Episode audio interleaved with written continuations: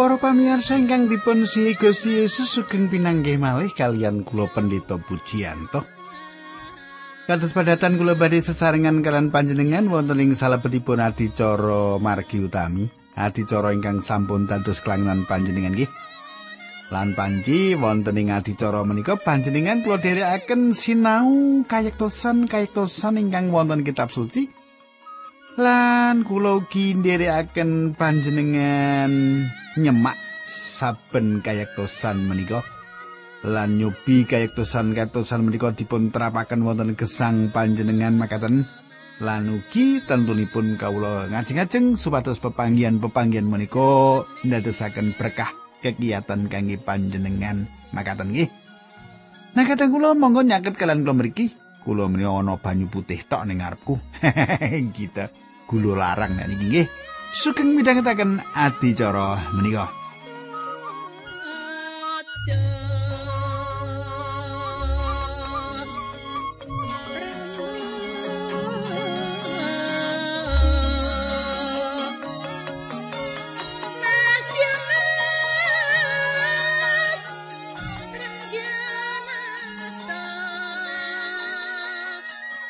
Para pamirsa, menapa panjenengan tasih kemutan menapa ingkang kula aturaken duk nalika pepanggihan kepengker menika, kula suwun panjenengan tasih kemutan nggih. Wonten ing pepanggihan kepengker kita sampun nyemak bilih manungsa mboten saged mangertos menapa ingkang dados kersanipun Gusti Allah. Menawi sanes Gusti Allah piyambak ingkang mratelakaken kersanipun dumateng manungsa. Wonten ing mriki Paulus ugi nglairaken gegayutan kalian jinis manungsa inggih menika manungsa limrah kalian manungsa ingkang kasebut manungsa kasukman. Nggih, kula badhe lajengaken. Nanging saderengipun menika monggo kita tumungkul kita ndedonga langkung rumiyin. Duh Kanjeng Rama ingkang ada dampar wonten kraton ing kasuwargan kawula ngaturaken gunging panuwun. Menawi wekdal menika kawula saged tetunggilan kalian sederek-sederek kawula ingkang setya tuhu midhangetaken adicara menika. Kawula nyuwun Gusti berkahi kawula linambaran asmanipun Gusti Yesus Kristus kawula ndedonga haleluya amin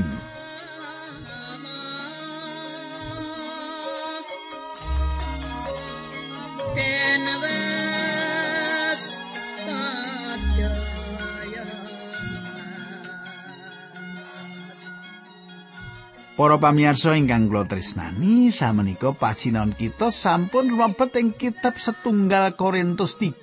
Nih, kitab setunggal Korintus bab 3. Kata ingkang sampun kula aturaken kalau wau bilih Paulus sampun nedahaken bilih wonten kalih jinis manungsa. Nih, wonten kalih jinis manungsa inggih menika manungsa limprah lan manungsa kasukman, manungsa rohani.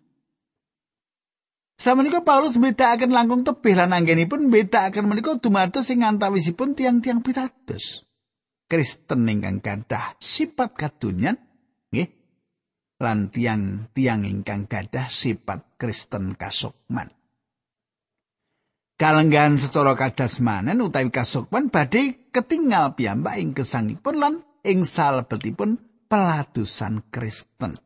Jubi samenika kula wasaken bab 3 ayat setunggal ana dene aku para sedulur nalika iku ora bisa guneman karo kowe kaya marang wong kasukman nanging mung kaya marang wong kedagingan kang durung dewasa ana ing Sang Kristus.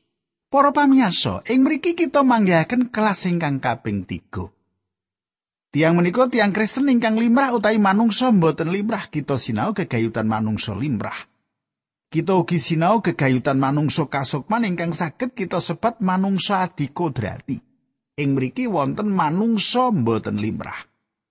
Tiang menika mboten limrah awet tiang menika tiang Kristen nanging tasih asipat kadonyan. Tiang menika tasih bayi ing salebetipun Sang Kristus. Ing sadaya perangan kawitan serat kintunan menika, Paulus ngrembak gegayutan perkawis kadonyan.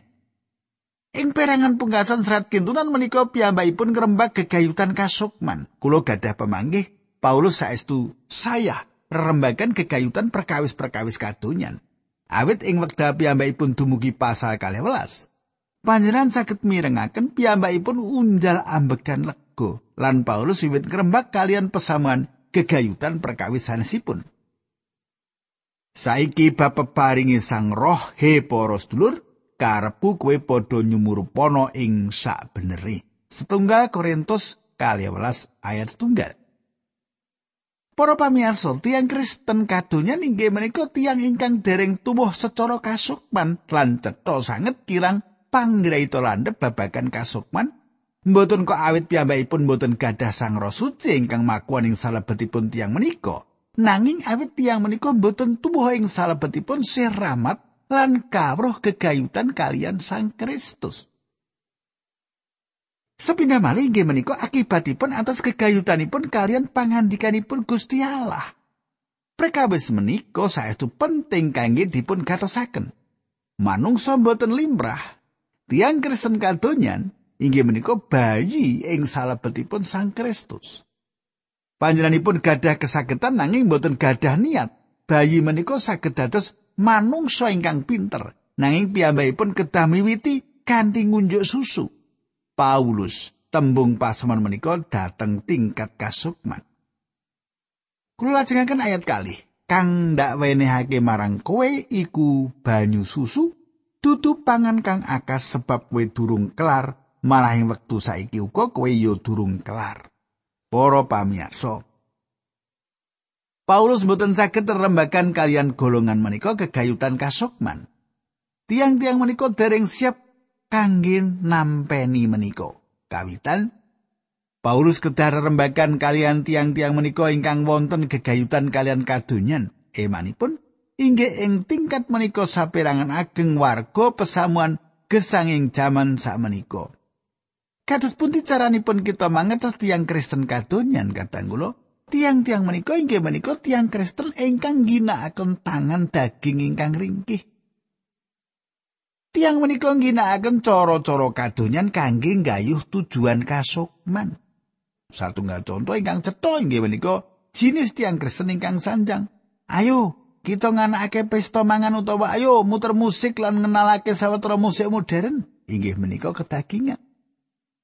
Para pamirsa, tembung Yunani kangge jasmani inggih menika sarkikos ingkang tegesipun kedagingan. ing basa Latin menika leripun sensual. Kita manggihaken tembung karnaval saking kalih tembung karne Bali. Karnaval inggih menika satunggalipun perkawis ingkang dipun wontenaken saderengipun dinten raos getun. Sadangunipun dinten-dinten menika tiang-tiang menika badhe latihan nilaraken sifat daging. Kanthi nampi nedha sawetawis jinis-jinis daging dados sadaringipun dinten ingkang sinebat dinten raos getun lan poso tiang-tiang menika badhe nedha daging rakus lan nedha menapa kemawon sak kajengipun mendem nedha daging ngantos tuwa lan sasampunipun ing dinten ingkang sinebat dinten raos getun lan poso lajeng boten nedha Paulus nggambaraken golongan tiang kados makaten menika yang wedal Paulus ginakaken pratela kang dadi alae wetengi. Filipi 3 ayat 19. Sakit ugi panjenengan badhe sanjang kok kasar banget. Inggih panci kasar. Nanging menapa ingkang dipun pratelaken menika saged dados gambaran ingkang pas kangge saperangan ageng tiang. Semboyanipun inggih menika tindakno sak lumrahe wae ben sifat daging kuwi tumindak sakarepe. Menapa tondo sifat daging menika? Paulus badhe nyukani mangertos dumateng kita ing mriki. Ayat 3. Merga kowe isih wujud manungsa kedagingan sebab menawa ing antaramu tinemu rasa kemeren sarta pasulayan apa iku ora dadi tandha yekti yen kowe kabeh iku manungsa kedagingan tuwin lakumu apa ora cara manungsa Para pamirsa menapa tiyang Kristen ingkang asipat kadonyan menika wonten pundi panjenengan saged ningali minangka bukti ing pundi wonten pasulayan lan beda-bedaken ing mriku badhe dumados hawa nafsu utawa karnaval.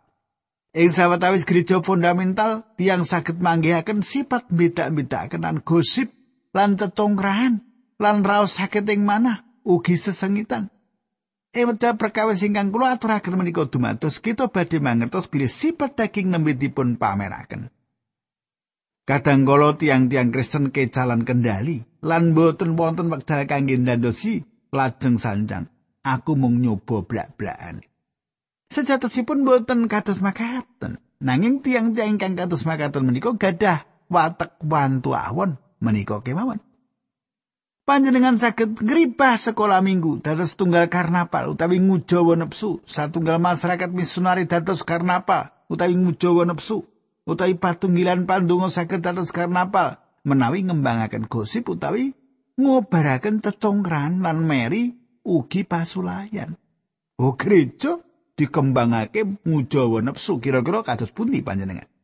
Para pamirsa, panjenengan saged ugi mboten nindakaken perkawis-perkawis kadonyan. Lan panjenengan tetep dados tiang Kristen kadonyan. Panjenengan semak menapa ingkang dipun pratelakaken Paulus. Menika ing basa pedinan nggih. Menawa ana wong sing muni aku melu Rasul Paulus lan liyane muni aku melu Apolos, apa sing mengkono kuwi dudu patrape wong-wong kadonyan? Menika setunggal Korinta 3 ayat sekawan. Kula wasaken ayat kang salam. Sapa to Apolos kuwi? Lan sapa to Paulus? Wong-wong kuwi rak mung para abdine Gusti Allah sing nuntun kowe dadi wong percaya. Aku iki mung padha sadremo nyambut gawe nglakoni dawuh Gusti Allah. Aku sing nandur, Apollo sing nyiram, nanging Gusti Allah piyambak sing nuwuhake. Para pamirsa, Paulus meratelaken wong-wong kuwi rak mung para abdine Gusti Allah. Paulus menika kawastani tiyang ingkang dados misionari utawi utusan. Piyambakipun bikak leladan ninggal Apolos dumugilan ngawontenaken pepanggihan mucal bangun tiang-tiang suci. Tiang kali menika para abdinipun Gusti Allah. Ayat itu Wong sing nandur lan wong sing nyirami kuwi ora penting, sing penting kuwi Gusti Allah. Sebab panjenengane sing nuwuhake. Para pamirsa, ingkang penting nggih menika mboten sinten ingkang dados juru mucalipun. Perkawis ingkang penting nggih menika menapa Gusti Allah ngagem tiang menika? Menapa mboten? Menawi Gusti Allah ngagem tiang menika pramila Gusti Allah tentu berkahi atas hasil hasil peladosanipun. Samenika ayat bolu. Wong sing nandur lan wong sing nyirami kuwi ora ana bedane. Gusti Allah bakal paring ganjaran marang siji-sijine manut pegaweane dewi-dewi. Para pamirsa, kita kedangaken pilih Gusti Allah ngagem kathah para abdi Gusti. Para abdi Gusti menika nindakaken peladosan saben abdi Gusti peladosanipun sekedhik benten. Saben abdi Gusti peladosanipun sekedhik benten. Inggih menika jalaranipun kenging menapa kita mboten kenging ngumbar kanepson dumateng sinten kemawon ingkang dipun agem Gusti Allah. Ora nesu, nggih. Kathah tiyang ingkang ginakaken cara-cara ingkang benten-benten. Kathah tiyang ingkang nindakaken perkawis-perkawis ingkang benten kalian cara kula nindakaken pelatusan. Nanging Gusti Allah ngagem tiang-tiang menika. Kita sedaya inggih menika rencang pelatusan kangge Allah. Setunggal Korinta bab 3 ayat 9 ngantos dosa. Aku iki padha rewangi nyambut gawe lan kowe. Pelamahan sing digarap dening Gusti Allah kowe kuwi uga gedhong sing diasa dening Gusti Allah. Srana migunakake kapinteran peparingi Gusti Allah, aku dadi tukang gawe omah sing yasa pondasine lan wong liya sing bangun ana ing sak nduwure pondasi mau. Para pamirsa landesan sampun dipun papanaken langkung saking 1900 taun kepengker. Panjenengan lan kula mboten saged ngebrokaken landesan menika. Ingkang saged kita tindakaken inggih menika ngadeg wonten ing landesan menika. Lan landesan menika mboten sanes Gusti Yesus Kristus. Kita saged bangun saking landesan menika. Ingkang penting piyambak inggih menika nggelaraken pangandikanipun Gusti lan mucalaken Injil ingkang dados satunggal-tunggalipun sarana nyelametaken manungsa. Ora ana liya sing bisa nyelametaken manungsa kajaba Gusti Yesus Kristus. Amin. Nah, kita lajengaken ayat 11. Sebab Gusti Allah piyambak wis nemtokake yen mung Gusti Yesus Kristus sing dadi pondasine gedhong mau. Para pamirsa ingkang kula tresnani, menapa panjenengan bangun ing sak nginggiling panjenenganipun? Bangun sak nduwe Gusti Yesus. Inggih menika pitakenan penting kanggenipun tiang pitados. Menawi panjenengan sowan dumateng Sang Kristus, panjenengan sowan tanpa pendamelan. Panjenengan sowan tanpa beto menapa-menapa supados panjenengan saged nampi samukawis. Panjenengan dipun papanaken ing sak nginggilipun selo karang inggih menika Sang Kristus. Samenika panjenengan saged bangun wonten ing sak nginggilipun saking menika asalipun pendamelan saya menika. Ayat 12 lan 13.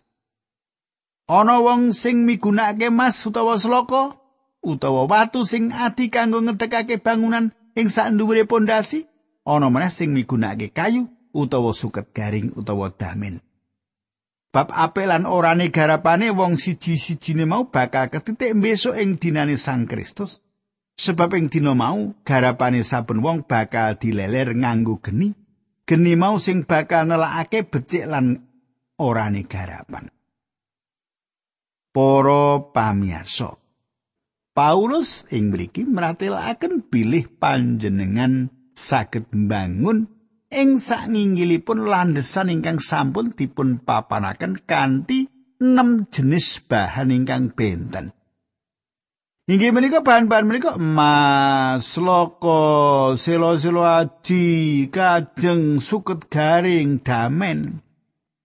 Geni mboten bebayani kangge tigang bahan ingkang kawitan ing daftar menika. Lan malah nyucikaken emas loko lan silo aji. Nanging latu sampun tentu badhe ngopong bahan tiga ingkang pungkasan, kajeng suket garing lan damen. Menawi kenging latu sedaya badhe dados sawu.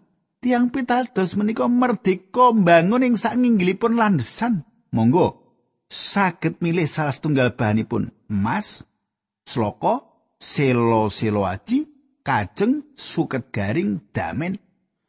Perkawis menika musalaken bilih tiyang pitados saged nyambut damel kanthi ngalap opahan menawi pendamelanipun tahan uji wonten ing salebetipun pendamelan ingkang sampun dipun bangun ing sakinggilipun landesan ingkang sampun dipun papanaken pramila tiyang menika badhe nampi opah. Ayat 14 inggih menika yen sing dibangun ing sak pondasi mau diobong ora mempan wong sing bangun bakal tampa ganjaran. Para pamirsa ingkang dipun kajengaken tiang menika badhe nampi pituas menawi piyambakipun bangun kanthi bahan emas. Sloko utawi selo-selo aji. Kulo gadah pemanggih bilih kita gadah kathah tiang sucinipun Gusti Allah ingkang ngidap-idap ing sakiwa tengen kita jaman samenika. Kathah tiang ingkang dipun agem Gusti Allah kanthi ngidap-idapi. Tiang-tiang menika mbangun kanthi mas kados ingkang sampun panjenengan mangertosi kanthi sae mas ingkang alit mboten ketinggal cetha kados tumbuhan damen Saketuki namung Gusti Allah ingkang pirsa bilih ingkang panjenengan damel menika emas. Tumbuhan damen benten malih. Kulo nate ngubengi tanah pertanian dan kulo saged ningali tumbuhan damen tebihipun 100 meter. Kathah tiang ingkang bangun tumpuan damen lan saben tiang mireng menapa ingkang dipun tindakaken. Tumpuan damen menika badhe dipun uji ing titi mangsanipun. Lan menawi sampun kados makaten, pramila boten wonten ingkang sisa. Awit ujian menika dipun tindakaken krana latu. Semanten ugi tumrap tiang ingkang bangun kanthi kajeng lan suket garing. Samenika kita lajengaken bab 3 ayat gang 11. Nanging yen garapane kobong bakal kapitunan. Nanging wong-wong mau dewi bakal slamet senajan patrape kaya wong sing luar saka omah sing kobong. Para pamirsa cupi panjenengan semak bentenipun yen sing dibangun ing sak dhuwure pondasi mau diobong ora mempan, wonge sing bangun bakal tampa ganjaran. Nanging yen garapane kobong bakal kapitunan. Nanging wong mau dhewe bakal slamet senajan patrape kaya wong sing luar saka omah sing kobong. Para pamirsa tiang menika mboten kecalan kawilujenganipun menawi tiang menika wonten ing alandesan inggih menika pitados dumateng Sang Kristus sinaosa tiang menika mboten nampeni pituas. Para pamirsa menapa ingkang panjenengan bangun ing wekdal menika? Bahanipun menapa ingkang panjenengan ginakaken? Menawi panjenengan bangun bahanipun emas, saged ugi samenika mboten patos ketingal. Menawi panjenengan bangun kanthi suket garing, panci badhe ketingal. Nanging badhe kobong. Kula ngringkes makaten, badhe wonten sawetawis tiang ingkang wonten ing swarga. Lan tiang-tiang menika wonten ing mriku awit landhesanipun Sang Kristus. Nanging tiang-tiang kala wau mambu awit nembe medal saking panggangan. Tiang-tiang menika mboten nampi upah atas pendamelanipun. Menawi panjenengan tiang Kristen kajasmanen, panjenengan mboten saged ngajeng-ajeng pituwas. Awit panjenengan mboten wonten sesambetan ingkang leres kalian Gusti Allah lumantar pangandikanipun Gusti Allah. Para pamirsa, tiang Kristen kajasmanen inggih menika tiang-tiang ingkang mboten mangertos pangandikanipun Gusti Allah. Tiang saged nguji badanipun alanesan tiang golongan ingkang dipun sebataken dening Paulus ing salebeting gegayutanipun kalian pangandikanipun Allah. Manungsa limrah gadah anggapan tiang ingkang alanesan pangandikanipun Gusti Allah kawestani kabuduhan. Manungsa kasok maningali pangandikan lan pangandikan menika dipun tampeni minangka tambahing kawruh kasokman. Tiang Kristen jasmani sanjang ayo ngrungokake musik ketimbang ngucalake pangandikane Gusti Allah. Utawi piyambakipun sanjang, ayo ngrungokake musik ketimbang mulang pangandikane Allah. Inggih menika caranipun mangertos sinten tiyang ingkang Kristen kadonyan. Ayat 16 pitulas. Apa kowe padha ora ngerti yen kowe kuwi gedhong pedalemane Gusti Allah? Sebab roe Allah dumunung ana ing kowe. Sapa sing ngrusak gedhong pedalamane Gusti Allah. Gusti Allah yo bakal ngrusak wong mau. Gedhong pedalamane Gusti Allah kuwi suci lan gedhong mau yo kowe kuwi. Para pamirsa putra Allah inggih menika pedalamanipun Sang Roh Suci. Paulus badhe andadosaken kawigatosan kita ing prakawis menika malih. Badan kita inggih menika kagungan panjenenganipun. Ayat 18. Aja ana wong sing ngapusi awake dhewe yen ing antaramu ana wong sing duwe pangira dadi wong wicaksana manut ukuran kadonyan ben wong kuwi dadi bodho supaya bisa wicaksana temenan para pamirsa emanipun emanipun sak perangan ageng sekolah teologi kita jaman samenika mbudidaya nglatih juru khotbah juru khotbah ingkang pinter Kulo sampun nate mirengaken khotbah sawetawis saking juru khotbah pinter utawi intelektual menika lan saestu sekedhik sangat ingkang leres-leres pinter utawi intelektual. Kulo aturaken sepindah malih bilih ingkang penting inggih menika mangertos lan mucalaken pangandikanipun Gusti Allah. Ayat 19 ngantos 21 Sebab apa sing dianggep wicaksana dening jagat kuwi dening Gusti Allah dianggep bodho kaya surasane kitab suci. Wong-wong pinter kuwi dikala dening Gusti Allah srana kapinterane wong-wong mau dhewe. Ayat ing kitab suci liyane mangkene. Gusti Allah perso yen pangothakake wong pinter kuwi kabeh tanpa guna. Mulane aja nganti ana wong sing ngegung-ngegungake kapinterane manungsa, samubarang kabeh kuwi wis dadi duwekmu. Paulus, Apolos, Petrus, jaman saiki lan jaman sing bakal lakon kuwi kabeh duwekmu. Semono uga kowe kabeh iku kagungane Sang Kristus lan Sang Kristus kagungane Gusti Allah. Oh, para pamirsa, kados menapa endahipun menawi kita mboten winates sing golongan ingkang winates utawi satunggal aliran mriki. Menawi kita mboten rumus dados darpeipun si menika lan si menika lan saged dipun pucal namung dening setunggal guru utawi salah setunggal pendeta. Kita saged mangertos bilih sedaya umat menika kagungan kita. Kados menapa endahipun to? Inggih menika jalaranipun kenging menapa kula srawung sae kalian sedaya sederek-sederek saking maneka werni denominasi gereja. Inggih menika awit kula mangertos pilih tiang-tiang menika kagunganipun Gusti Allah. Tiang-tiang menika ugi gadahan kula ugi lan kosok wangsulipun kula ugi darbeipun sederek-sederek menika. Kados menapa mulyanipun wonten ing sakiwa tengen pribadi Gusti Yesus Kristus sesarengan kalian tiang-tiang pitadosanipun ingkang ugi wonten ing sakinggilipun landesan ingkang sami inggih menika Gusti Yesus Kristus. Para pamirsa kula sikek samanten rumiyin badhe kita lajengaken ing dinten candhaipun nanging sakmenika monggo kita tumungkul kita ndedonga. Duh Rama ingkang adidampar wonten kraton ing kasuwargan kawula ngaturaken gunging panuwun. Menawi wedha menika kawula saged ngraosaken pangandikan paduka berkahi sanak kadang kawula menika ing gesangipun tebihna saking tulak sare linambaran asmanipun Gusti Yesus Kristus kawula nutung. Haleluya. Amin.